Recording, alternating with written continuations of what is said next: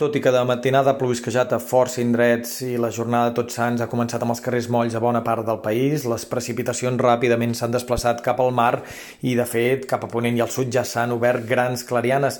Avui serà una jornada dual amb molt sol cap a les comarques de Lleida i Tarragona i, en canvi, restes de núvols cap a les de Girona, punts del Pirineu on fins i tot es podrien repetir alguns ruixats curts i dispersos durant el que resta de jornada.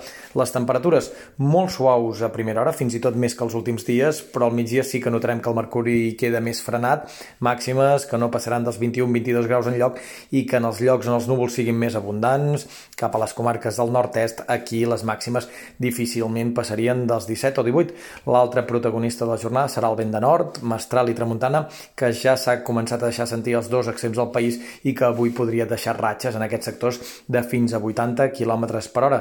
Per demà una jornada de transició amb més sol que no pas núvols, pràcticament sense ruixats en lloc i també sense vent. Això sí, les temperatures continuaran baixant. La propera matinada serà de plena tardor i al migdia el mercuri encara recularà un parell de graus més.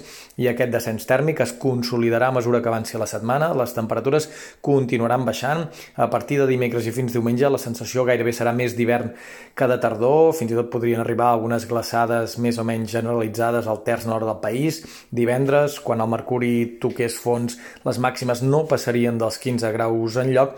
I tot plegat amb una mica de tot, el que dèiem, Demà més sol, dimecres tornarien els ruixats, especialment a la meitat nord del país, dijous quedarien alguns xàfecs residuals prop de mar, sembla que de cara al cap de setmana tornaria la tranquil·litat, potser diumenge caldria tornar a obrir el paraigua en alguns indrets.